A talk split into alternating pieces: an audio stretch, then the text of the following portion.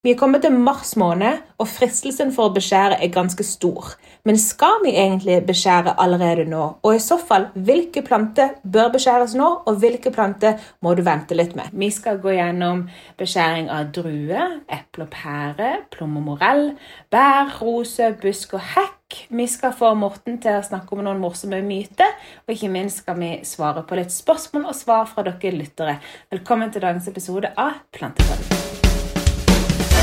Dette blir en bra pod, Belinda. Ja, det gjør det. det gjør det. Kan ikke du fortelle litt, Morten? Beskjæring nå i mars. To do or not to do? Ja, to do or not to do. Det var Shakespeare, det. Um, jeg vil jo helt klart falle ned på not to do. Altså, alle har jo på en måte den her veldig um, kriblinga i hendene om våren om at vi skal på død og liv ut og kutte i noen trær. Akkurat som om de skriker etter å bli kutta i beder. Men det handler mer om at det, er en gammel myte, dette med at man skal beskjære om våren. Um, vi, det, det, det, det, har alltid vært sånn. Jeg vokste opp med det. Alle har vokst opp med det. At vi skal liksom ut og beskjære i mars-april og, og, og, for å liksom gjøre de klar for sesongen som kommer.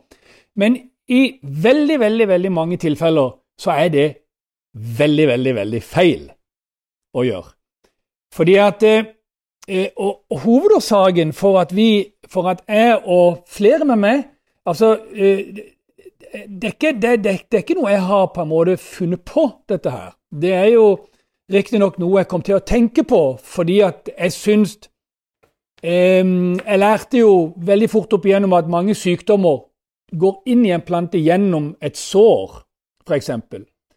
Og da tenker jeg at eh, hvis ikke såret kan kan gro igjen, så er det jo større sjanse for at sykdommer kan få tid til å komme inn i planten. Og det er jo tilfellet fra september-oktober til april-mai for mange planter. Så i den perioden så danner de på en måte ikke sårvev, dvs. Si at de dekker ikke sårflaten igjen som du har kutta av. Og da har vi dette her eh, problemet spesielt med steinfrukt, vil jeg si, og også epler. Eh, med at eh, Monilia, soppsul, ja, Monilia går forresten mest inn gjennom blomsten, men, men, mange andre bakterier og sånne ting kan komme inn gjennom et åpne sår, og vi ser veldig mye sykdommer som veldig gjerne kan være relatert til nettopp dette med at det beskjæres på vinterstid. Og mye forskning som er gjort på dette, viser helt klart forskjell på sykdomsangrep på de som er beskåret om vinteren, og de som er beskåret i vekstsesongen når det er grønt. Det er langt færre angrep og sykdomsangrep på planter som beskjæres i sommerperioden, enn i vinterperioden. Og, og, og, og, spesielt druer har jo hatt dette problemet. Druer er veldig ofte Druedyrking er veldig ofte, øh, øh, har veldig ofte mange problemer med, med, med, med bakterier som, som, går inn i en plante og skaper store problemer for en vindyrker. Og, og de har jo eh, Der de har forskjøvet uh, beskjæring av druer så langt som mulig, helt til etter knoppspretten, faktisk, så har de opplevd at det er blitt dramatisk nedgang i sykdomsangrep uh, på, på, plantasjen. Så det er, det er helt klart sammenheng her. Og en av de største pionerene på dette er jo Jørgen Wittrup, en tidligere professor Agri i Danmark, Odense. Eh, hans arbeid ble tatt videre av en tysk professor innenfor, eh, innenfor plantefysiologi, eh, Baumpflege. Han kan ikke huske navnet på akkurat nå. Som har gjort veldig mye forsøk på dette. Og det er klart at det er en, det er en, det er en soleklar forskjell på plantehelse med ikke å beskjære om våren og beskjære om sommeren. Sånn at derfor, og, og, og, min tanke Jeg fant jo disse to når jeg begynte å tenke på dette, at det må være feil å beskjære om vinteren. Og, og, jeg var jo så fornøyd når jeg fant disse to, og spesielt Jørgen Wittrup, som jeg fant for noen år tilbake. Han, Det er vel nå en eh, ja, vel 10-12-13 år siden jeg fant på dette her, egentlig. Og så fant jeg, Da var han pensjonert. Men eh, jeg, fant, jeg fikk kontakt med dattera i Danmark som, gikk, som eh, tok meg med til, til, han, til faren. Og jeg fikk en times lang samtale med den her litt eldre, pensjonerte professoren. om nettopp beskjæring og plantfysiologi og, og, måten dette ble gjort på, og hvordan det bør gjøres på. Hvilke, hvilke, hvilke farer det er og ulemper det er med å beskjære om vinteren. Og Det var ganske moro å sitte der og prate med der og prate med Han var over 90 år, vet du, ikke sant? Og, og han kjente jo et par av de jeg kjente fra den tida på 60-tallet. Sånn. Jeg syntes det var veldig gøy. Gjelder dette Herlig. alt? da? Gjelder det både eple, pære, plomme, morell, bær, busker, rose? Alt? Det gjelder, det gjelder faktisk alt. Alt. I utgangspunktet så gjelder det 100% alt. Men så er det sånn at enkelte av plantene våre er så robuste og så lite mottagelige for sykdommer og har sånn en enormt immunforsvar at det gjør ikke noe om vi former dem på våren. Og de tilfellene det er jo da buskroser, robuste buskroser, sånn som disse hybridene vi har med med rugosa, altså rynkerosehybridene som vi bruker, de tåler jo rett og slett å bli kjørt over av en trailer. Og de lever like godt. Ja. Sånn at det, eh, dette, altså de der, der de, de, kan du holde nede, sånn som jeg har vist på en eller annen video nå med, på Instagram som ligger der, hvor jeg har beskåret buskrosene i haven. Mm. Hvor jeg senker høyden på de nå, sånn at de skal få en passelig høyde til sommeren. Og det samme gjelder jo de tingene du må forme, Belinda. Altså hekker. Ja, tuja, buksbom. Hvis jeg blir veldig frista nå Jeg ja. har jo bøk her utenfor. Hvis jeg blir veldig fristende når snøen forlater oss, og bare gå ut og bare beskjære bitte litt Da kan du gjøre det på de. Okay, okay. For det er også sånne planter som ikke har så veldig mye sykdom. Når det gjelder tuja, så er det jo faktisk tatt litt sykdom på de.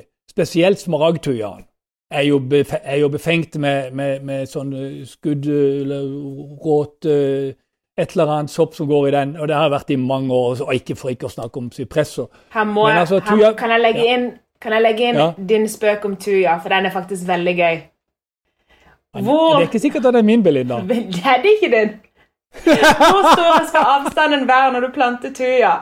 En kilometer, sier Morten Magne. En kilometer, er det den?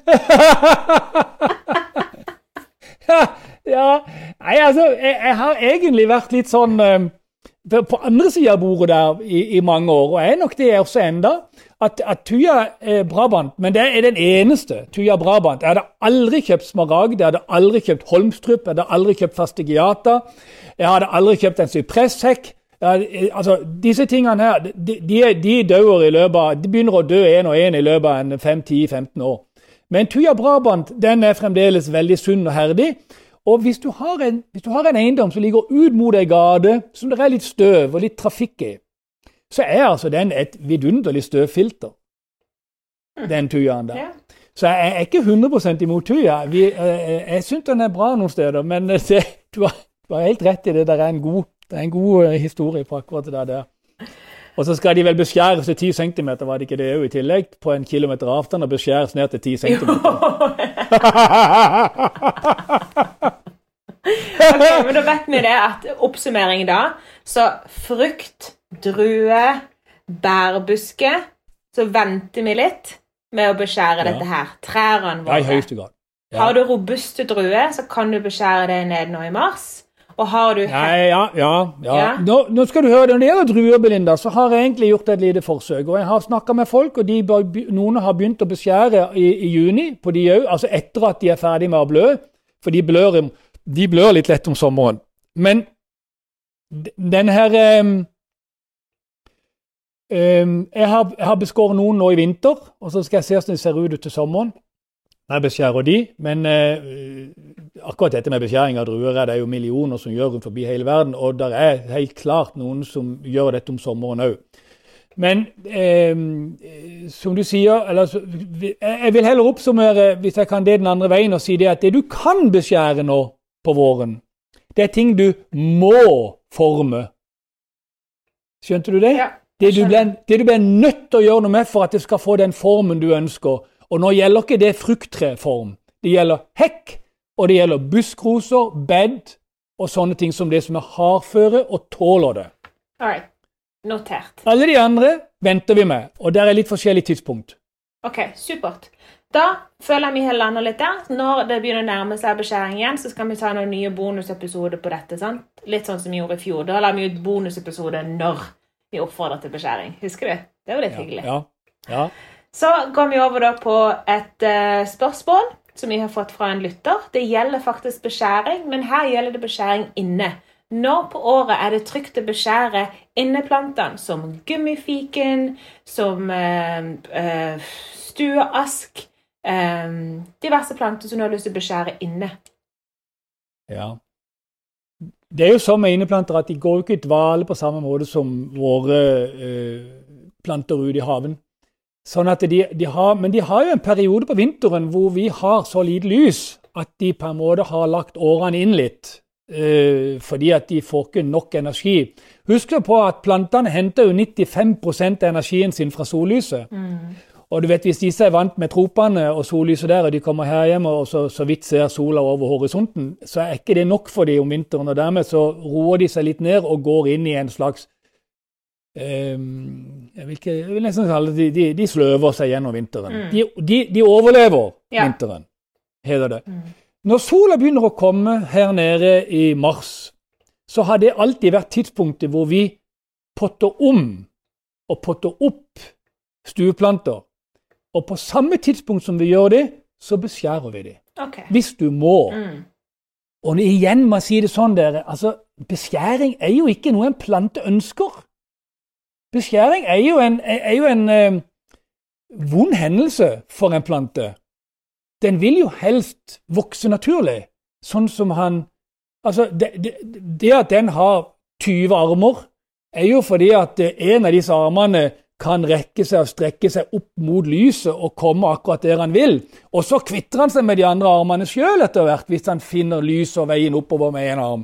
For de vil opp i lyset, alle planter. Det er jo det de lever for. For mest mulig lys. Skape seg plass. Og hvis det er tilfellet for en plante som som har andre planter rundt seg, f.eks., så er det jo sånn at han bruker alle disse armene nede til å liksom breie seg ut. Og så lager han skygge under seg. Da får han ikke noen konkurranse, for der kan de ikke vokse. Og så har han en i toppen som skal oppover, til lyset. Så det er taktisk krigføring og taktisk bevegelse fra en plante fra, fra han blir født til han dør. Det er jo mange som spør meg hvorfor ikke jeg f.eks. stammer opp mine koleus, eller former plantene mine litt mer. da. Men jeg syns jo noe av det vakreste i planter, det er jo de som får lov til å vokse helt vilt. Og eh, min mor eh, har en veldig forkjærlighet for det som hun kaller for uperfekte planter. Den planten ja. som ingen vil kjøpe på et hagesenter, den kjøper hun. Så jeg har vokst opp med dette her med de sånn uperfekte planter. Det er noe av det fineste jeg ser, faktisk. Ja. Ja, Men det er jo, for meg så er det jo veldig mye frodighet i det du kaller uperfekte planter. Jeg vil jo kalle det mer naturlige planter. Mm. At det, det, det, er jo en, det er en veldig frodighet i deres frihet i form, syns jeg. Mm. Det er jo Altså en, en, plante altså Før, når, når, jeg, når, jeg, bruker et uttrykk på at vi kan jo ikke, vi kan jo ikke ha en plante til å se ut som en puddel, så er jo det litt feil nå. Fordi at, eh, ja, men altså, Før så var jo pudlene sirkusdyr, ikke sant? med noen sånne uh, sånne dotter her og på armene og rundt forbi. Mm. Og det er jo en veldig sånn en pønta sag mm. når du beskjærer. Så du skal ikke beskjære mer enn du absolutt må. Mm. Okay. Det er helt klart det. Planten vet best sjøl. Når vi f.eks planter en ny plante. Før i tida så lærte vi alltid det når vi planter en ny plante. Må du beskjære de og liksom få inn noen greiner, så ikke han har så mye å passe på når han setter i gang med røddene og våkner. Jeg skal si en ting at Er det noe en plante vet når han våkner, så er det å kvitte seg med de greinene han ikke kan klare å holde på gjennom sommeren sjøl. Mm. Men du vet ikke fra ei grein det. Det er bare planten som vet. Mm. Men så er det jo forskjell på beskjæring og topping. Topping? Mm. Ja, det er det. Og topping er jo også en sånn puddelhendelse. Uh, altså, det er klart det at du, du, du, uh, du topper den for å få ut greiner. Mm. Men en plante vil jo oppover, og det er jo derfor den får en lang stilk, stamme, mm. for han skal opp i lyset. Og når den er kommet høyt nok og skjønner at faren er over rundt seg, nå har jeg lyset for meg sjøl, så stopper han, og så forgreiner han seg. Mm. Og så lager han den paraplyen der oppe. Mm. Så det er veldig naturlig å ha en plante som er sånn. Hvis du topper en plante, så får du en mer, mer buskete vekst, men en helt unaturlig form på den planten. Ja, nettopp. Så du, så når, når, folk har en avokadostein som vokser opp til 1,20 meter mm. uten noe særlig forgreining, mm. så er det jo sånn den skal se ut. Ja, du, du har jo fullstendig rett. Ikke sant? Jo. Ah, Dette er det jeg elsker med deg, Morten. Du får hjernen min til å gå i baner aldri har gått i før. Du får meg til å trekke meg tilbake til det naturlige og sette pris på det naturen kan tilby meg, ikke det jeg kan tilby naturen. Ja, Så kan du sette deg ned i godstolen og så kan du se hen på avokadoen så kan du si ah, sånn skal det være. kan du tenke det. Også. du er heldig, du som er her hos meg, som får lov til å gjøre som du vil. Ja, sant. Fri dressur, fri oppdragelse. Ja, det har jeg hos min, altså. Fy søren. Ok, da er vi ferdig med beskjæring. Så har du en litt sånn morsom myte som du vil Er det ikke myte, men hva er det for noe, egentlig? Eh. Det er jo egentlig en ganske Det er jo en nokså veldig kjent historie. Og det er jo dette uttrykket med 'an apple a day keeps a doctor away'. Mm. Og, og, og, det er det jo ganske mange som har tatt og trykket til sitt bryst i, i kommersielle eh, sam, sammenhenger. Og de sier at altså, et eple om dagen, ikke sant og en av de fem om dagen, og alt sånt, og så skal du bruke et eple. En apple a day keeps the doctor away. Det, er altså, det handler jo ikke om eple. Det er jo det som er så morsomt her, at alle disse liksom bruker denne her, eh, dette her uh, sayingen, eller ordtaket, for å liksom og så si at nå må du huske å kjøpe et eple i dag. I hvert fall fem så har du for hele uka. For det er så viktig, for da er du så frisk at du holder legen unna. Men det handler altså ikke om eple, det handler rett og slett om ganske langt tilbake i tid, i England, i kullgruvene, hvor det var mye barnearbeid. Og, og, og mange av disse var mindre eh, eh, robuste og, og, hadde De fikk jo mye av dette kullstøvet inn i seg, og det var en del luftveissykdommer, selvfølgelig. Men i tillegg så fikk de altså da ganske kraftig maveknip, mange av disse ungene. Og, og er det noe som kan fikse maveknip, på folk, så er det jo ei skje med karve i vann som du svelger, så er det vekk i løpet av 20 minutter. Jeg har ikke tall på alle de gangene ungene mine opp igjennom har hatt et mavekniv en dag, og så har jeg tatt ei skje med karve og hevet i et glass, og så har jeg tvunget det i det. For karve er så vanskelig å svelge i vann, for det flyter unna og legger seg opp i nesa. Men jeg har bare sagt 'herregud, for noe for svelge'. Og, og 20 minutter etterpå så er de altså kvitt maveknipet. Men i England så gjorde de det på den måten at de la karven inn i et eple. Det er altså ikke eple, det er karven det er snakk om. Så. Så skjønner du? Ja. Er ikke det ganske gøy? Så de burde jo på en måte hatt uh, A spoonful of cum in a day. That keeps the doctor away. Ja. Neste gang Obama går ut med dette her, skal jeg spørre deg OK, hva er prisen på karven? ja! Det... Alright, Morten. Tusen takk for dagens episode. Og uh, stay green. Kan vi si det? Jeg føler ja. vi bør ha sånn en kul slogan å avslutte med. Ja, ja du, du, du ordner noe nytt nå, har du ikke det? Både vignetter og litt sånn forskjellige ting. Det, det, det, er jo kjempegøy. Plante på den til nye høyder. Ja. okay. ha det godt. Se snart. Ha det godt.